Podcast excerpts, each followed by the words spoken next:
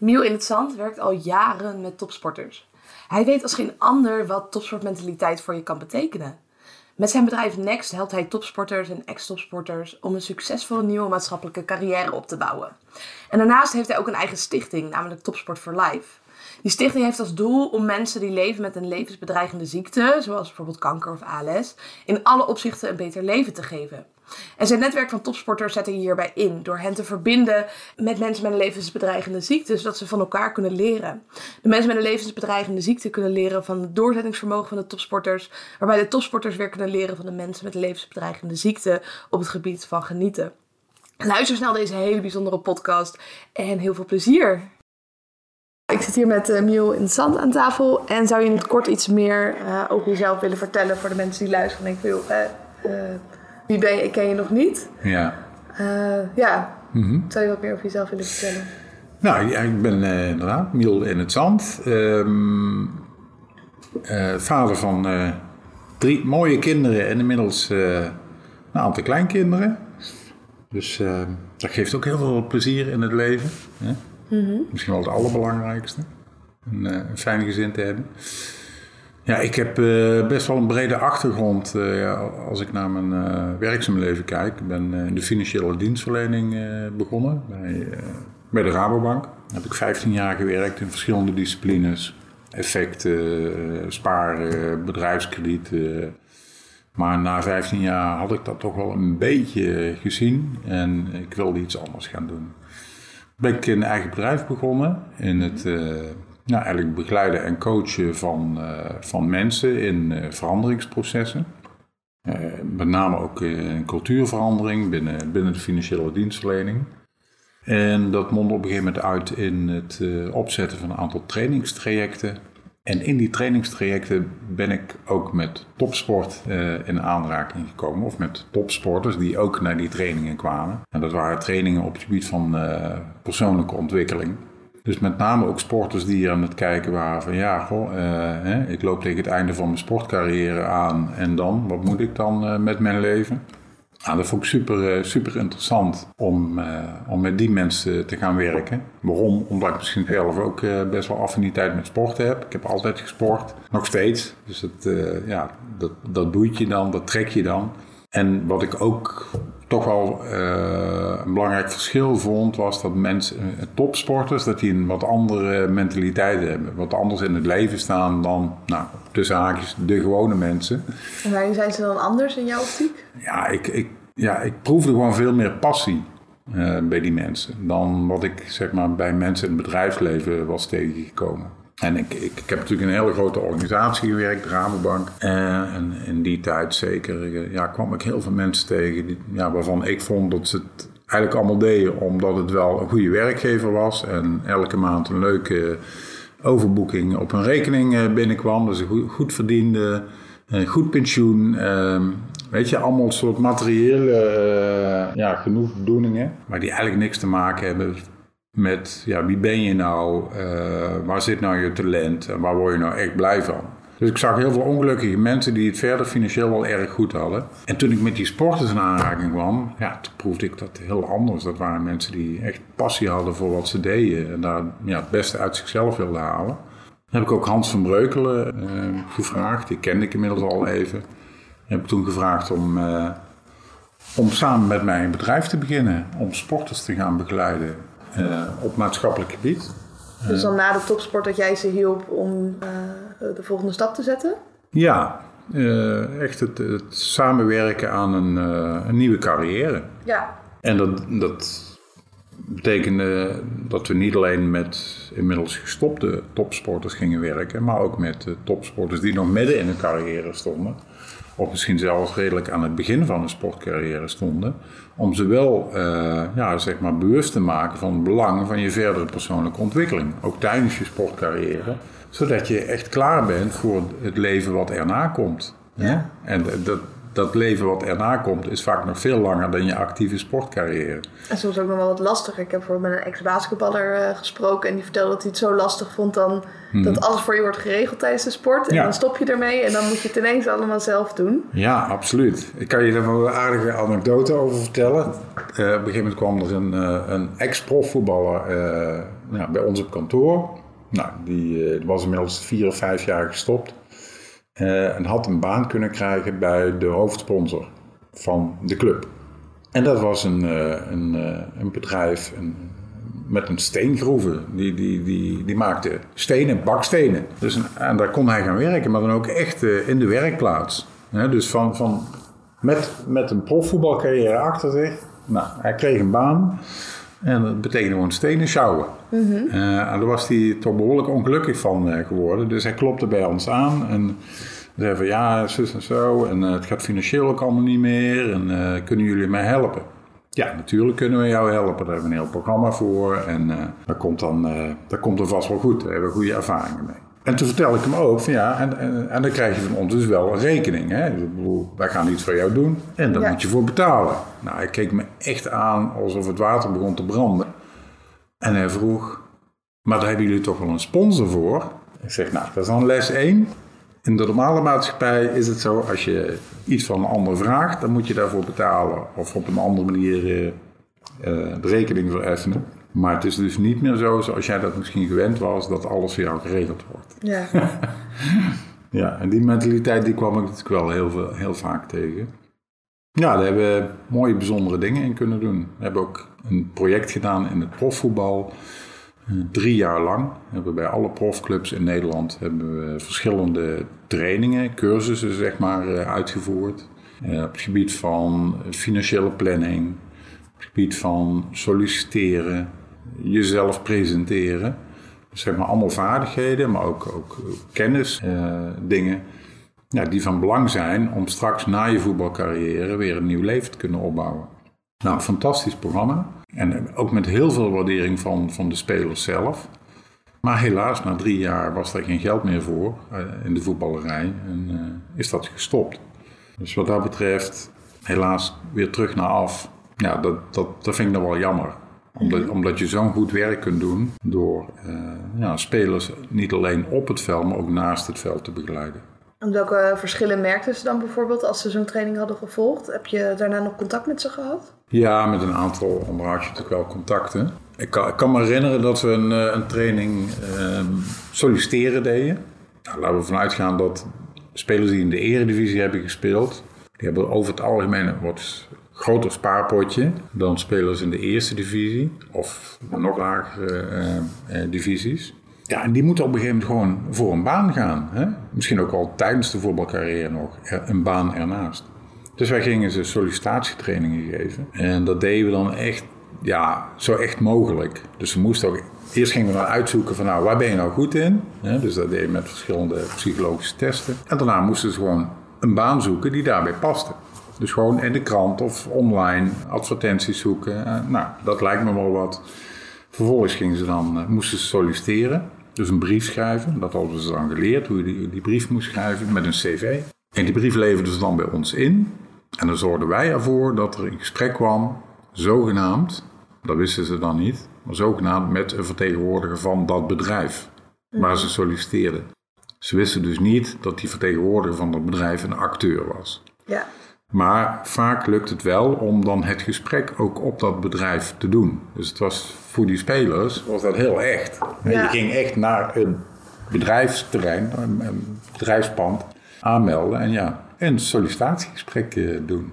En dat, dat hebben we dan ook opgenomen. En ik heb werkelijk waar, ik heb spelers zien zweten tijdens dat gesprek. Nou, zo hard hebben ze zelfs op het voetbalveld zelf nooit hoeven zweten. Ja, het was waarschijnlijk veel meer buiten hun comfortzone dan uh, het balletje trappen op het veld. Ja, absoluut. Dus uh, heel erg confronterend, maar enorm leerzaam. want dan, dan voel je dus echt van ja, wie ben ik nou eigenlijk nog? Als ik niet meer dat voetbalpakje aan heb en in de arena sta op dat veld. Maar gewoon net als een ander me moet verkopen voor andere kwaliteiten dan puur je technische voetbalkwaliteiten was een mooie, mooie ervaring voor die spelers. Ja, en hoe hielp jij ze daar dan bijvoorbeeld mee? Nou, wat, wat we dus deden, ik gaf zelf ook die trainingen. Ja, super, super leuk uh, om te doen. Ja, omdat ik gewoon merkte hoezeer dat je, dat je mensen kon raken, kon bewust maken voor, ja, voor het leven en wie je bent. En ja, hoe ga je verder in het leven? Hoe neem je de goede beslissingen? Ja, dus dat deden we dan in, in dit geval met het voetbalprogramma, met die, uh, met die cursussen en workshops. Maar daarnaast deden we dan ook spelers of andere sporters uh, individueel begeleiden. dus dan gingen we ook echt proberen om ze door middel van opleiding en stagetrajecten ja, op het goede spoor te krijgen. Ja. En dat lukte eigenlijk ook altijd wel. Ja. Nou, dat heb ik um, tien jaar heel intensief uh, gedaan. Maar nu doe ik heel wat anders. Ik ben nu directeur, uh, medeoprichter van Stichting Topsport for Life. En die stichting bestaat volgende week tien jaar. Gefeliciteerd. Dankjewel. En ja, er is toch wel iets gebeurd waardoor ik die beslissing uh, heb genomen om te gaan focussen op een heel andere doelgroep. Over een doelgroep, en dat zijn dan mensen die leven met een levensbedreigende ziekte, vaak met ALS. In mijn ogen, in onze ogen, zijn dat ook gewoon topsporters. Want die mensen die vechten voor hun leven. En ja, er worden eigenlijk eigenschappen ook bij gevraagd die ook van toepassing zijn op een topsporter. Natuurlijk op de eerste plaats doorzetten. Ja. Uh, kunnen omgaan met tegenslagen, die heel veel zult uh, hebben. Uh, een bepaalde discipline ja, in het leven. wat nodig is om je doel te bereiken, ook al ja. is het helemaal niet leuk. Ja, ja dus af, afzien, pijn kunnen leiden. kortom, dat lijkt echt in heel veel opzichten op elkaar. Uh, met één belangrijk verschil is dat een topsporter bewust heeft gekozen voor dat leven. En iemand die ALS krijgt of, of een ernstige vorm van kanker daar niet voor heeft gekozen. Dus dat hele mentale aspect, aspect uh, tijdens dat ziekteproces is, het, is natuurlijk heel erg lastig. Zeker voor mensen met ALS geldt dat, dat je ja, niet meer kunt genezen en je overlijdt binnen drie tot vijf jaar na de diagnose. Dus ja, hoe ga je dan die tijd nog uh, besteden? Ja. hoe ga je daar nog het beste uithalen? Ja, het is gewoon fantastisch om te kunnen en mogen doen. Voor deze groep mensen. En die doen dat ook met heel veel passie, net als een topsporter. Uh, ja, want je, je, je, wil natuurlijk overleven. Het is dan van een heel andere orde dan, uh, met alle respect voor alle topsporters, maar hè, dan is topsport toch nog maar een spelletje. Ja, ja, en dan kan je uitstappen wanneer je wilt. Terwijl op het moment dat je ziek bent, kan je niet zeggen: joh, ik heb het wel gehad ermee, het is klaar. Ja. En ik heb die beslissing genomen om me hierop te gaan focussen, omdat ik op een gegeven moment gewoon een vervelende ervaring, of vaker een vervelende ervaring had in het werken met, uh, met topsporters. Maar met name ook bij, uh, in, in de voetballerij, in de profvoetballerij. En ik steeds meer moeite begin, begon te krijgen met, uh, met de cultuur. Mm -hmm. Uh, waar we het net over hadden. Dat ze denken dat alles voor hun wordt geregeld. Dus Want ja, dat ding is, dat is ook zo vaak, zeker een bepaalde... Ja, daar worden ze ook in, in opgevoed. Hè, op die manier. Er wordt inderdaad alles geregeld. En ik begrijp het natuurlijk ook best wel dat je wil je top kunnen presteren. Dat uh, alles eromheen zoveel mogelijk uit je handen uh, moet worden genomen. Maar het leidt vaak qua persoonlijke ontwikkeling toch ook wel tot een sterke vorm van egoïsme. En het is niet altijd leuk om met die mensen te werken. Dat heb ik echt in extreme vorm ook, uh, ook meegemaakt. Totdat ik me op een gegeven moment uh, begon af te vroegen van ja, vind ik dit nog leuk? Wil ik dit nog wel blijven doen? de liefde, zeg maar, moet wel van twee kanten kunnen komen. Ja. En het liep al langer met het idee rond om dan uh, met dat, dat toch wel grote netwerk wat we hadden opgebouwd in de topsport, om daar iets maatschappelijks mee te gaan doen.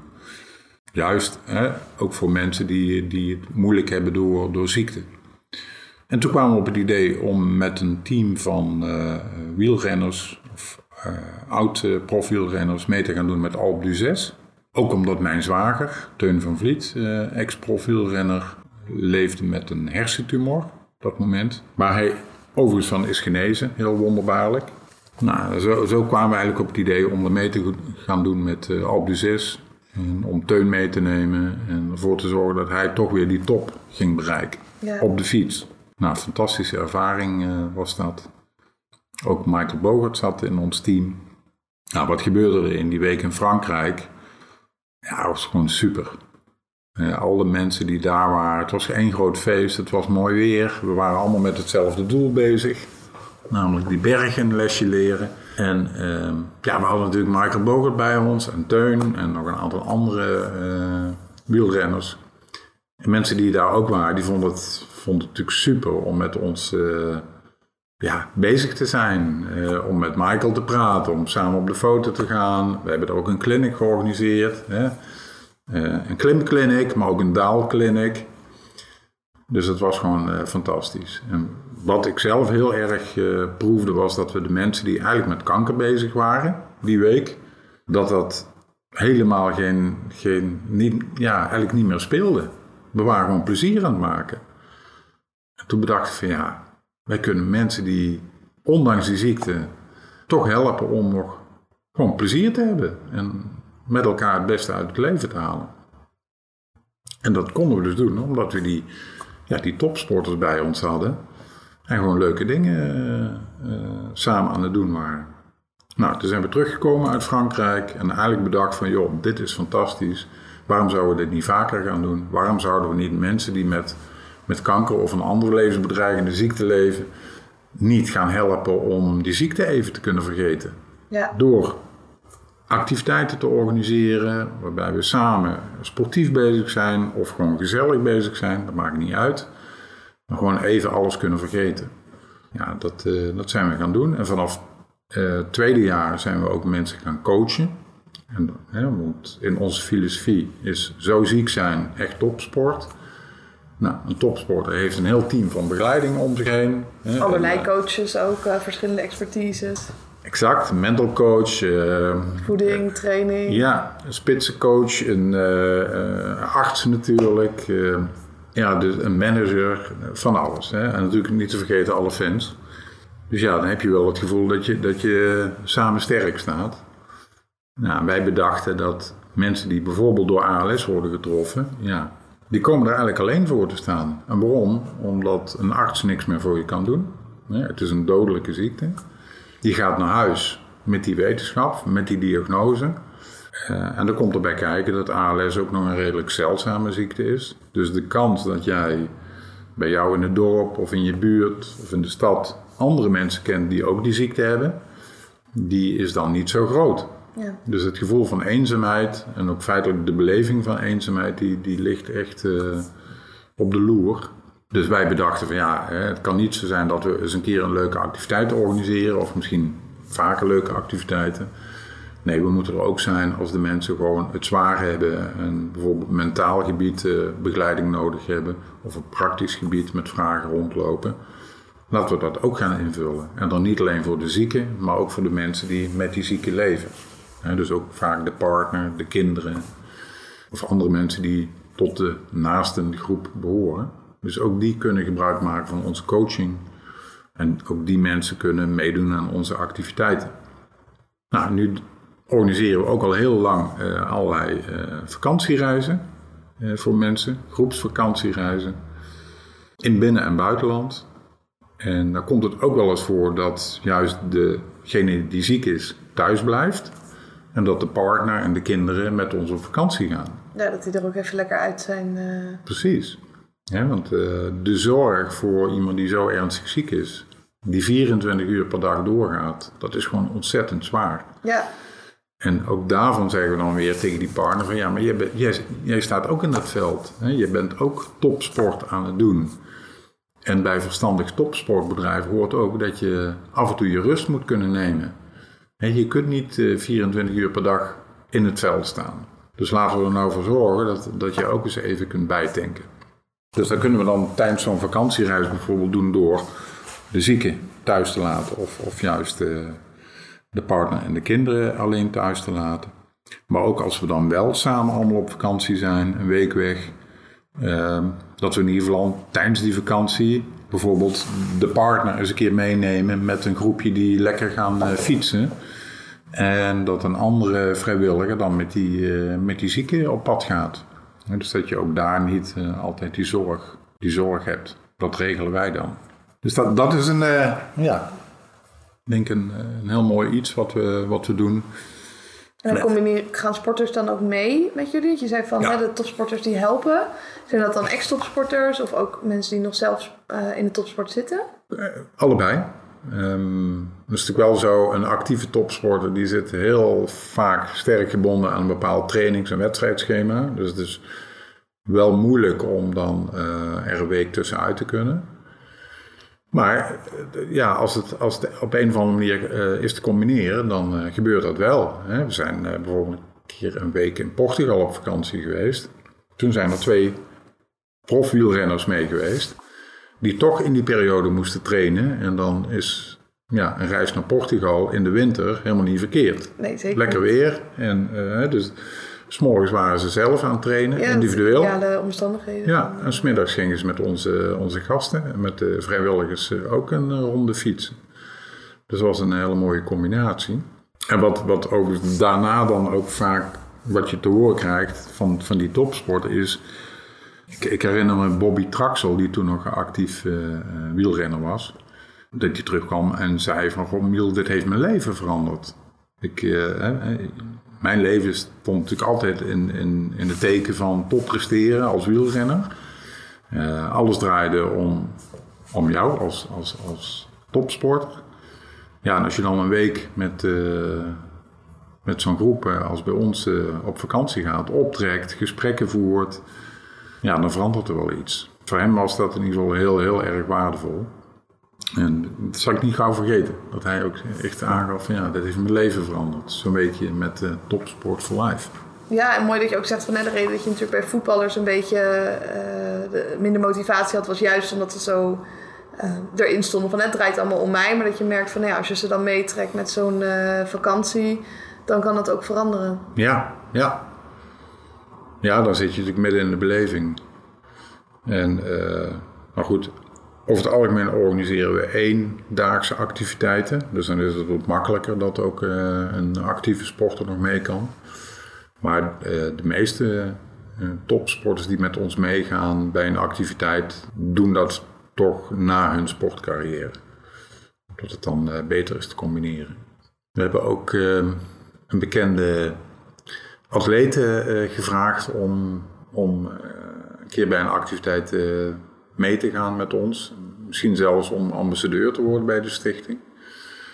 En toen heeft ze aangegeven dat ze dat heel graag zou willen doen, maar dat ze dat niet tijdens haar sportcarrière wilde doen, omdat het, ja, zeg maar, omdat je dan zo ook met ziekte wordt geconfronteerd en met het, nou, toch ook het verdriet en het lijden van mensen dat het misschien te veel impact zou hebben op haar focus op de topsportcarrière. En dat begrijp ik ook, absoluut. Hè? Je moet het echt wel aankunnen. Bijvoorbeeld Björn van der Doelen, um, uh, ook binnen de stichting uh, gehad. Björn is uh, ex-profvoetballer. Um, heeft gespeeld bij PSV, Twente, NEC. Nou, we hebben hem toen gevraagd om een van onze gasten, een man, oudere man met met terminale kanker om buddy van hem te worden. En dat heeft Björn toen ook gedaan. Uh, Björn was inmiddels gestopt met voetballen, heeft nu een, muziekcarrière opgebouwd. Maar die man die was helemaal gek van die drie clubs die ik net noemde. En zeker ook van uh, Björn. Mm Nou, Björn werd zijn buddy. Ze zijn ook samen nog naar Barcelona geweest. Dat hebben we toen geregeld om een wedstrijd van Barcelona bij te wonen. Dat was een grote wens van die man. Ja, het was gewoon uh, een fantastische belevenis. Die meneer die heeft nog negen maanden geleefd na die reis naar Barcelona. Daar hadden we ook een filmpje van gemaakt. Dat heeft hij elke dag bekeken. Uh, is nog heel vaak bij hem geweest. Ze hebben samen muziek gemaakt. Ze zijn naar de amateurvoetbalclub geweest van, van die man. Nou, dus een geweldige tijd voor die man. En ja, hij kwam op een gegeven moment te overlijden. Heel verdrietig. En bij het afscheid uh, deed Björn ook een woordje op het altaar. Maar ja, hij werd daar heel emotioneel. Het, had hem, ja, het raakte hem heel diep, het verlies van zijn vriend inmiddels. En toen bedachten wij toch wel van dat, we, dat we ook onze buddies erg in bescherming moeten nemen. Ja. Want als je zo'n traject met elkaar hebt doorgelopen, ja, dan is dat gewoon heel, kan heel erg heftig zijn. Zeker als je dan iemand verliest en stel bijvoorbeeld, hè, je, je bent topsporter en je traint voor de Olympische Spelen. Ja. Uh, ik sprak vorige week uh, met uh, een, een, judoka en die zei, nou stel dat er iets met mijn vader gebeurt, dan wil ik het eigenlijk ook niet weten, want ik zit zo in die voorbereiding, in die focus. Dat gaat me niet helpen nee. bij mijn wedstrijd. Nee, precies. Dat, dat heeft echt heel veel impact op je ja, geestelijke gesteldheid, om hem even chic te noemen. Ja. Dus toen hebben we in ieder geval in dit geval ook met Björn afgesproken dat hij een time-out moest hebben. En hij was sowieso voor een jaar niet inzetbaar om nog een dergelijk traject opnieuw op te pakken. Maar toen hebben we later ook besloten dat we dat überhaupt niet meer gingen doen. Dus dat we niet meer één op één topsporters zouden gaan koppelen aan mensen die een grote kans hadden om te gaan overlijden. Maar om ze dus wel in te zetten bij onze activiteiten. Dus om een keer mee te gaan op een vakantie of gewoon bij een eendaagse activiteit. Nou, dat, eh, dat gebeurt dan wel nog. En dan heb je wat minder die binding tussen een zieke en een topsport. Precies. En dit, eh, ja, dit doen we nu al een aantal jaren en dat werkt gewoon hartstikke goed. En hoe benaderen jullie bijvoorbeeld dan de topsporters voor de stichting? Of benaderen ze jullie? Meestal benaderen wij de sporter zelf. Kan ook op, uh, ja, op verzoek van een van, van de gasten zijn. Hè? Mhm. Misschien ja, graag iets wil doen met een idool van uh, hem of haar. Of het komt op een andere manier te sprake. Dus meestal benaderen we zelf al een sporter. Ook uh, ja, uit ons eigen netwerk. En soms melden sporters zich ook bij ons omdat uh, ja, ze op een of andere manier gehoord hebben van Topsport for Life. Net zoals jij zelf ook. Ja, precies. En dan het contact met ons zoeken. Dus dat, dat kan allebei. En is misschien ook wel, nou je die vraag gesteld, iets wat ik ook nog wel even wil aanstippen, is dat als je als vrijwilliger bij Topsport aan het werk gaat, hè, of je nou topsporter bent of niet, dan zijn we daar ontzettend blij mee. Als mensen dat willen doen. Maar we maken niet meer de beginnersfout, die we dus in het begin maakten, dat we iedereen maar toelieten. Want ja, we werken natuurlijk met een kwetsbare groep eh, mensen. En wat we doen, moeten we echt en willen we ook echt heel goed doen. Je hebt eigenlijk maar één kans om het goed te doen. Ja. Ja, in het begin kregen we toch wel ook mensen binnen die misschien niet de juiste motivatie hadden of niet de echte goede vaardigheden of kwaliteiten om dit werk te kunnen doen. Dus als mensen zich nu bij ons aanmelden, dan gaan we echt wel een soort uh, aannametraject in. dus benader het eigenlijk als een normale sollicitatie, zoals je dat ook bij een normale werkgever zou doen. Dus uh, eerst kennis maken, uh, je cv bekijken we, gesprekken met, met andere vrijwilligers. zodat we ook met elkaar zeker weten dat we de juiste beslissing nemen als we met elkaar dingen gaan doen. En dat allemaal in het belang van de, ja, de mensen waar, waarvoor we ons willen inzetten. Welke kwaliteiten zoeken jullie dan bij de sporters? In ieder geval sociale vaardigheden, lijkt me heel duidelijk. Ja. En dat geldt voor de topsporters, maar dat geldt voor alle mensen die, die zich inzetten bij de stichting.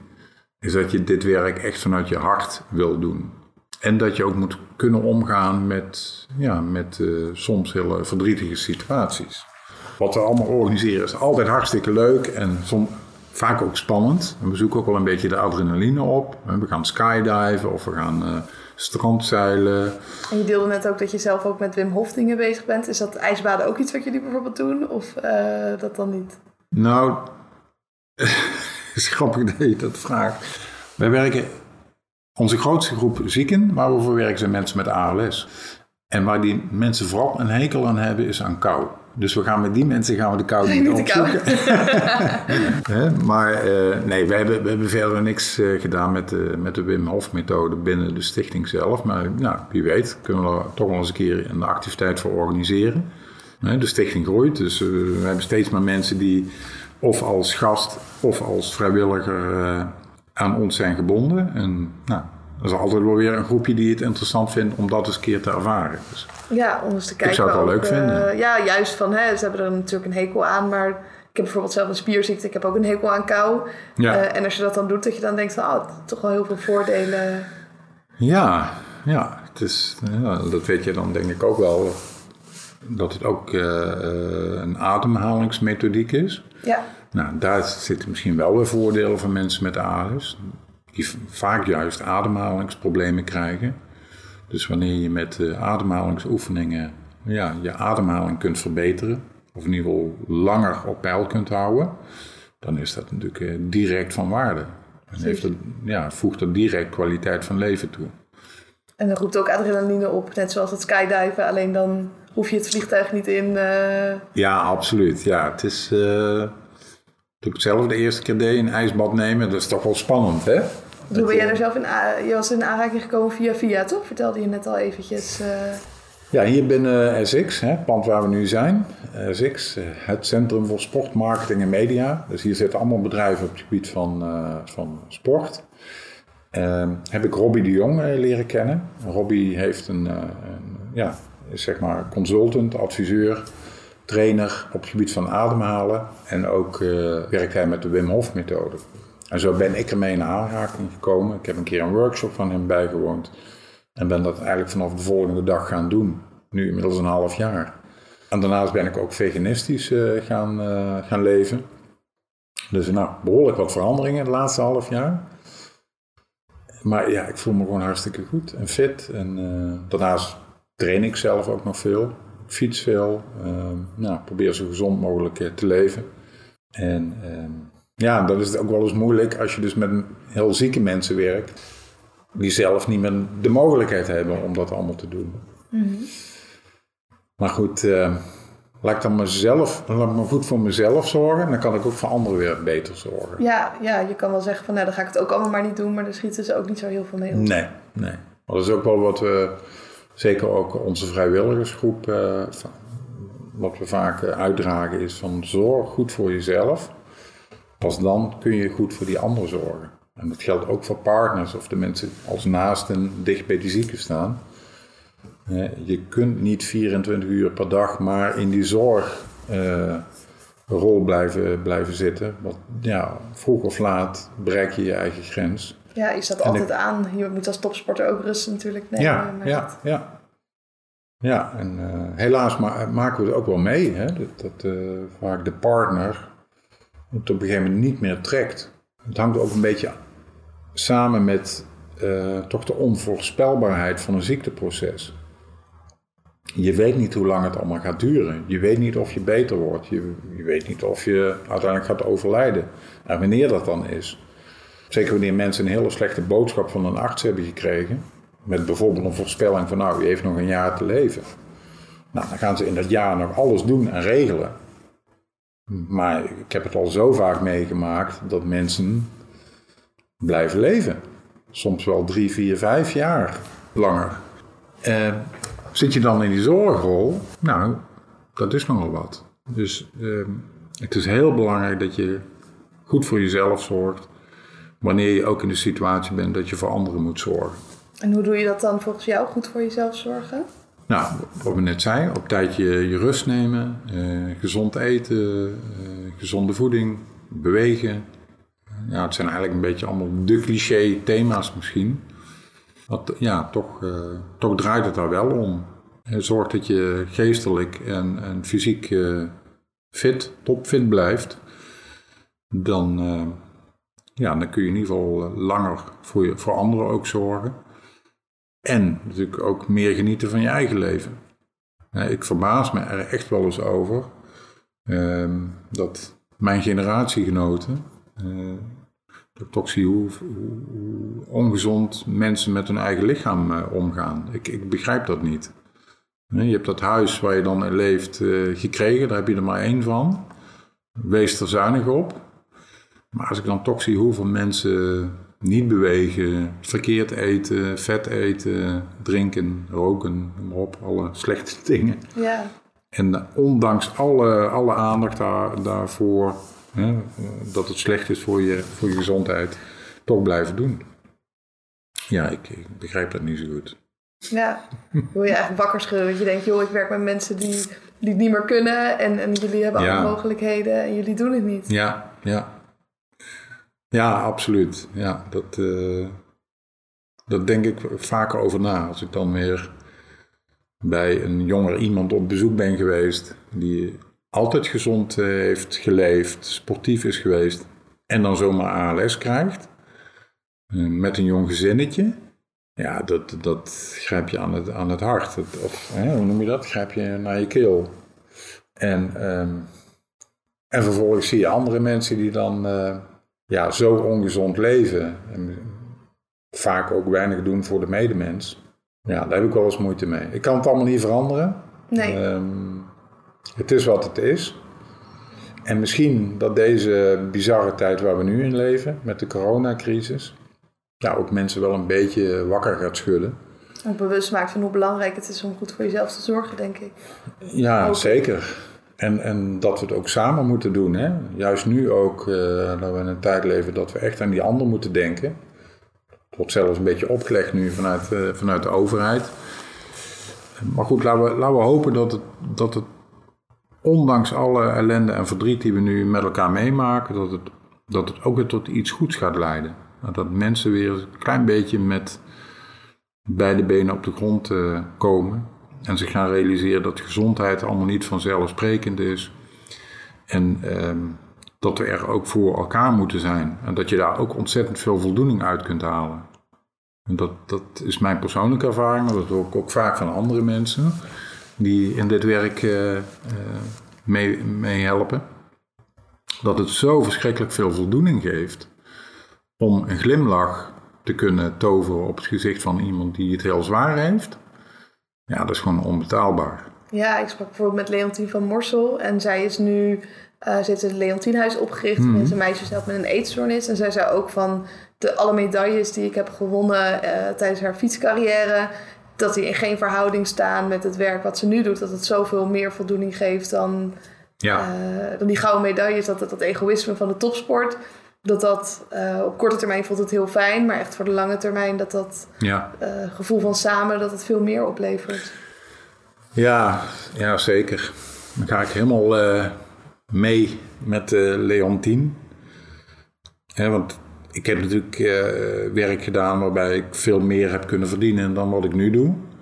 Maar voor mij is het geld geen doel, maar gewoon een middel. Hè. We, hebben, we hebben geld nodig om de dingen te kunnen doen die we willen doen. Krijgen jullie dat van sponsors? Of? Um, ja, we worden geholpen door sponsoren, door donateurs, door acties. Er loopt nu een actie van uh, het Summa College hier in Eindhoven. Daar, uh, er zijn 11.000 studenten uh, aan verbonden, wow. met allerlei verschillende opleidingen. En die organiseren nu de Voetbalshirt Week in mei. En ja, hartstikke leuke creatieve actie. Uh, overigens moeten we nog maar even kijken of die door kan gaan. Hè? Want uh, alle activiteiten tot 1 juni zijn nu uh, verboden. Maar goed, daar vinden we allemaal weer een oplossing voor. Maar dankzij al die ja, steun kunnen we dit werk doen. we werken met allemaal vrijwilligers. Dus niemand wordt er betaald. Ik krijg zelf wel een kleine vergoeding. Want ik ben er behoorlijk wat uren mee bezig. Maar goed, ik denk als ik uh, die vakkenvullers zou gaan helpen, dan zou ik per uur meer verdienen dan wat ik nu verdien. Dus daar doe ik het ook allemaal niet voor. Ik doe het echt omdat ik het kan doen, mag doen en het ontzettend veel voldoening geeft. Ik kan er misschien een klein voorbeeld uh, uh, van geven, wat, ik, nou, wat we ook hebben meegemaakt bij een van onze gasten. Wat, wat heel goed illustreert wat het met je kan doen. En dat, dat ging om, om Dirk. Dirk uh, was 48 jaar, had de ALS. Nou, wist dus dat hij daar uh, aan ging overlijden. Heeft uiteindelijk ook uh, gekozen om, om het leven te beëindigen, omdat er geen kwaliteit van leven meer was voor hem. En nou, ik, had, ik had ook heel veel contact met hem. En hij kwam naar alle activiteiten van de stichting, dus nou, nog volop kunnen genieten van, van, van alles. Maar goed, dat, dat einde naderde, dat was ook gepland. En toen vroeg hij aan mij, Miel, uh, ik heb nog één grote wens. Want hij had, ja, hij had geen gelukkige relatie. En hij vroeg mij, kun je niet regelen dat ik nog mijn laatste nacht met een lieve, warme vrouw mag doorbrengen? Nou, dat was natuurlijk een heel bijzondere vraag. En uh, ik keek hem aan en ik zei natuurlijk met een lach van... Dirk, realiseer je wel dat we een heel ander bureau zijn dan waar jij het nu over hebt. uh, maar goed, ik zeg, nee, we gaan het gewoon regelen, joh, want ik snap jou wel. Dat je dat nog een keer wil, uh, wil ervaren. En uh, nou, toen hebben wij geregeld dat een van onze vrijwilligers, verpleegkundige, Marieke, ja, die nacht bij hem is geweest. En dat ze nog uh, met elkaar hebben kunnen praten. En hij die warme hand nog heeft kunnen voelen. Van een hele lieve uh, vrouw, die hij ook kende en waar hij altijd blij van werd als hij haar zag. En toen hebben ze ochtends samen een, uh, een selfie uh, gemaakt. En toen meteen naar mij gestuurd. Nou, en die, die glimlach van Dirk op zijn gezicht, die was echt hemelsbreed. Zo blij was hij. En na een paar uur daarna is hij overleden. Hij heeft de euthanasie eh, gedaan. Maar ja, ik had, ik had wel zoiets van, wauw, yes. Ja, Dit geeft dan zoveel voldoening dat je zo'n laatste bijzondere wens eh, hebt kunnen realiseren met elkaar. Ja, dus niet, eh, niet te betalen. Dus vandaar eh, dat we dit allemaal willen en kunnen doen en blijven doen. ja ik kan voorstellen dat het een enorme drijfveer is om het door te zetten. Ja, dat, dat kan moeilijk onder woorden brengen. Je zou bijna zeggen van, hè, ga een keer mee naar een activiteit, voel het. Dat, dat is wel iets waar we vaker tegenaan lopen, dat het zo moeilijk over te brengen is wat wij voor mensen betekenen. Dat kun je dan doen in een brochure of op een website met, met een foto en een, een tekst. Maar emoties video. vastleggen op een foto, dat... Nee. eh, nee. Je moet het echt beleven, je moet, je moet erbij zijn en, en dan voel je het. En, eh, ja, dat gevoel zou je wel eens in een doosje willen kunnen stoppen en zeggen van hier heb je een doosje, eens vast. Ja, dan, Dan weet je wat het. het is, dan Ja. snap je wat het is.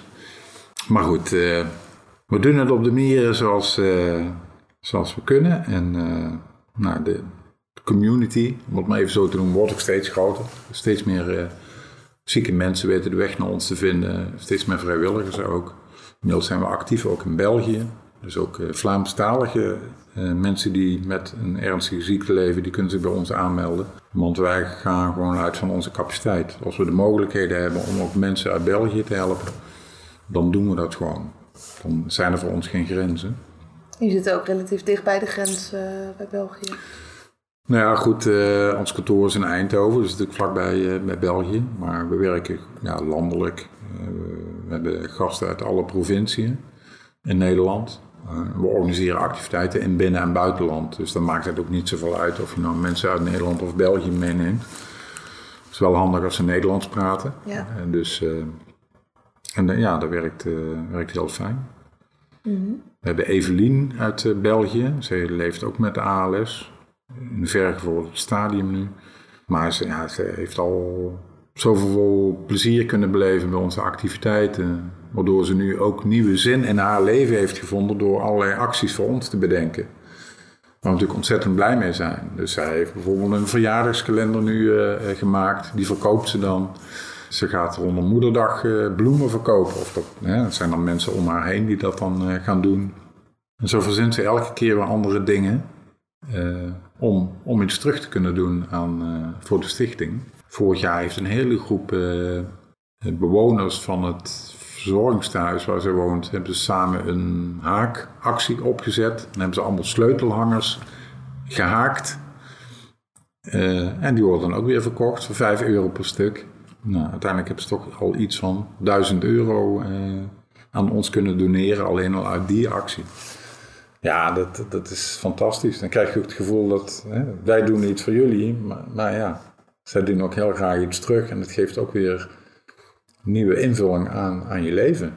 Mensen die door ziekte worden getroffen, raken vaak hun baan kwijt. eh, hun sociale netwerk valt eh, grotendeels weg. Je, kunt eh, niet meer gaan sporten. eh, dus er valt heel veel weg. Maar als je dat opnieuw kunt invullen door bijvoorbeeld ook bij te dragen aan de stichting met een actie, ja, dat is gewoon eh, ook weer heel mooi Precies. te ervaren. Ja. En stel dat iemand hier naar luistert, of nou iemand is die ziek is of niet, maar die denkt, nou, ik zou ook graag een, een topsportmentaliteit willen. Hmm. Ehm, welke tips zou je dan mee willen geven? Ja, tip is dan, eh in de eerste plaats, meld je bij ons aan. Hè? Wij zorgen voor je en we helpen je daarbij. We hebben life coaches binnen onze stichting, vrijwilligers, maar wel professioneel. Die je ook kunnen helpen om eh, eh, de juiste beslissingen te nemen of om je te helpen bij bepaalde moeilijke situaties. Die je kunnen helpen om ja, ook mentaal weer even door dat dal heen te komen en toch weer wat licht aan de horizon te zien. Eh, ook al lijkt de toekomst alleen maar donker eh, te zijn. En ik denk dat het wel heel belangrijk is dat je toch een beetje een basiseigenschap hebt dat je positief in het leven staat. En dat je kunt relativeren. Dat dat ook een belangrijke eigenschap is. Misschien ook wel topsportmentaliteit. Eh, We gaan allemaal een keer dood. Ieder mens, ook al ben je topfit, Ja, wij ook, zoals we hier zitten, het leven is eindig. Dus in die zin, ja, proberen we de mensen ook weer het relatieve daarvan in te laten zien. En, en ze dan ook te helpen om de dagen die je hier bent, om daar het maximale uit te halen. Eh, voor jezelf, maar ook voor de mensen om je heen. Je, kunt, je kunt de beslissing nemen om dat niet te doen. En thuis te blijven, de gordijnen dicht te doen.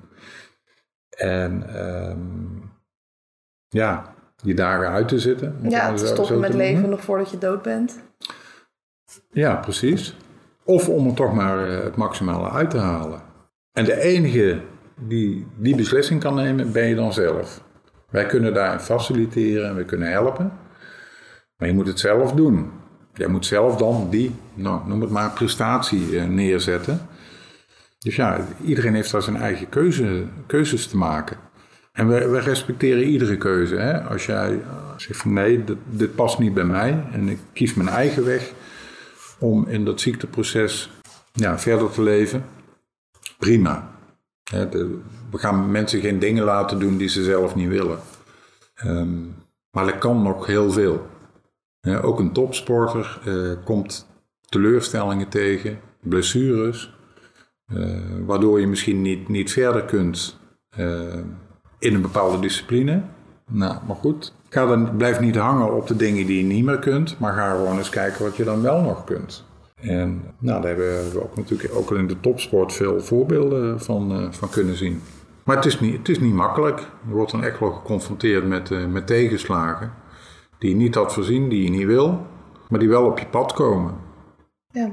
En als je in staat bent om dan, ja, zeg maar, toch de, de knop om te draaien. Te zeggen van, nou oké, eh, this is it. En ik moet verder. En nou, ga dan kijken waar je nog wel eh, je voldoening kunt uithalen en gelukkig van kunt worden. En je passie weer kunt voelen. Dat is misschien heel iets anders dan in die topsportcarrière. Of dan in het leven zonder ziekte.